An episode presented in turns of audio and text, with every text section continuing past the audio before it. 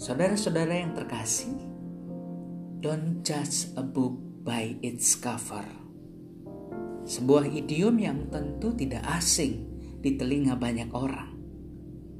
Ungkapan ini mengajak setiap orang untuk tidak terjebak dalam penilaian hanya sebatas apa yang terlihat.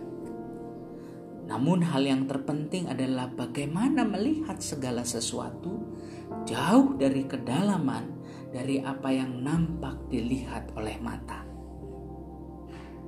Injil menurut Lukas 18 ayat 35 hingga 42 menceritakan sebuah kisah orang buta yang duduk mengemis di pinggir jalan di dekat kota Yeriko. Dikisahkan pada akhirnya bahwa perjuangan si orang buta tidak sia-sia untuk memperoleh keselamatan, bukan hanya sekedar kesembuhan. Yesus mengatakan, "Melihatlah engkau, imanmu telah menyelamatkan engkau." Melalui peristiwa ini, Injil menurut Lukas ingin memperlihatkan bahwa iman yang benar dan menyelamatkan justru diwakili dengan si orang buta yang mungkin dianggap tidak mampu untuk melihat banyak hal, untuk melihat dunia sekitarnya. Mata yang biasa dipergunakan manusia untuk melihat segala sesuatu, dan melalui mata seseorang memaknai segala sesuatu. Namun, melalui kisah ini, mata imanlah yang dipergunakan, diperlukan untuk memperoleh keselamatan, bahkan kesembuhan. Saudara-saudaraku, dalam hidup saat ini, apakah kita masih memiliki mata iman seperti si orang buta? Mungkin sebagian orang menggambarkan situasi saat ini adalah situasi yang menakutkan, menyedihkan, bahkan mencekam. Tentu tidak sepenuhnya menjadi sesuatu yang salah gambaran-gambaran tersebut. Karena faktanya begitu banyak pengalaman-pengalaman yang dirasakan secara langsung maupun tidak langsung yang membuat orang dapat berpikir demikian. Pandemi COVID-19 memberi dampak pada kesehatan manusia, perekonomian, bahkan keberlangsungan kehidupan umat manusia di masa depan. Sebagai umat percaya, kita diajak untuk merefleksikan kisah si orang buta menjadi teladan cara beriman yang mau menggunakan mata iman dalam melihat segala sesuatu. Ia tidak tenggelam dalam keadaan yang ia alami sebagai orang buta. Orang yang merasakan kesulitan, orang yang memiliki keterbatasan di tengah situasi yang ia alami. Tetapi yang menarik adalah ia diceritakan bagaimana berjuang dengan gigih. Meski banyak suara-suara yang ingin membungkam imannya kepada Yesus. Mungkin demikian pula dengan realitas kehidupan saat ini. Begitu banyak suara-suara yang dapat membungkam mata iman kita.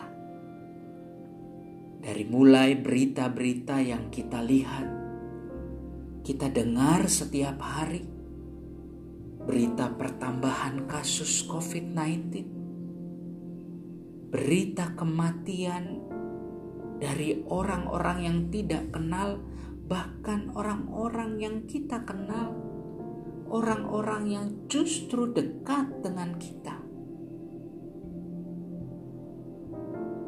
Bahkan kita tidak lagi bisa membedakan mana berita yang dapat dipertanggungjawabkan dan berita hoax. Saudara-saudaraku yang terkasih, saat ini tentu kita memerlukan kepekaan mata iman agar dapat memaknai setiap peristiwa kehidupan yang tidak mudah saat ini. Agar kita tidak hanya terjebak dengan apa yang nampak oleh mata jasmani. Kita perlu terus menjaga dan membangun mata iman kita dalam setiap perjuangan hidup ini kita harus terus membangun relasi kita kepada Tuhan. Kita tetap meyakini bahwa Tuhanlah yang menjadi pusat di dalam kehidupan kita. Meskipun segala sesuatunya tidak mudah untuk kita lewati. Tetapi seperti halnya si orang buta ia memiliki iman yang gigih yang pada akhirnya membuahkan hal yang baik. Jadilah orang buta yang terus beriman kepada Tuhan, yang pada akhirnya memperoleh keselamatan hidup di dalam Tuhan dan mampu melihat dunia dalam kacamata iman. Mari berdoa. Allah sang sumber hikmat. Allah yang menjadi mata bagi kami yang memperlihatkan realitas kehidupan di dalam kacamata Tuhan. Jadikanlah kami, ya Tuhan, orang-orang yang mampu melihat segala sesuatunya dengan sebuah pengharapan yang daripada Tuhan sendiri. Jangan biarkan kami tenggelam di dalam peristiwa-peristiwa kehidupan ini yang menjauhkan kami dari dekapan kasih Tuhan. Tolonglah kami, ya Tuhan. Mampukan kami lampaui segala keterbatasan yang kami miliki. Dengan beriman kepada Mulah, kami senantiasa ada di jalan Tuhan.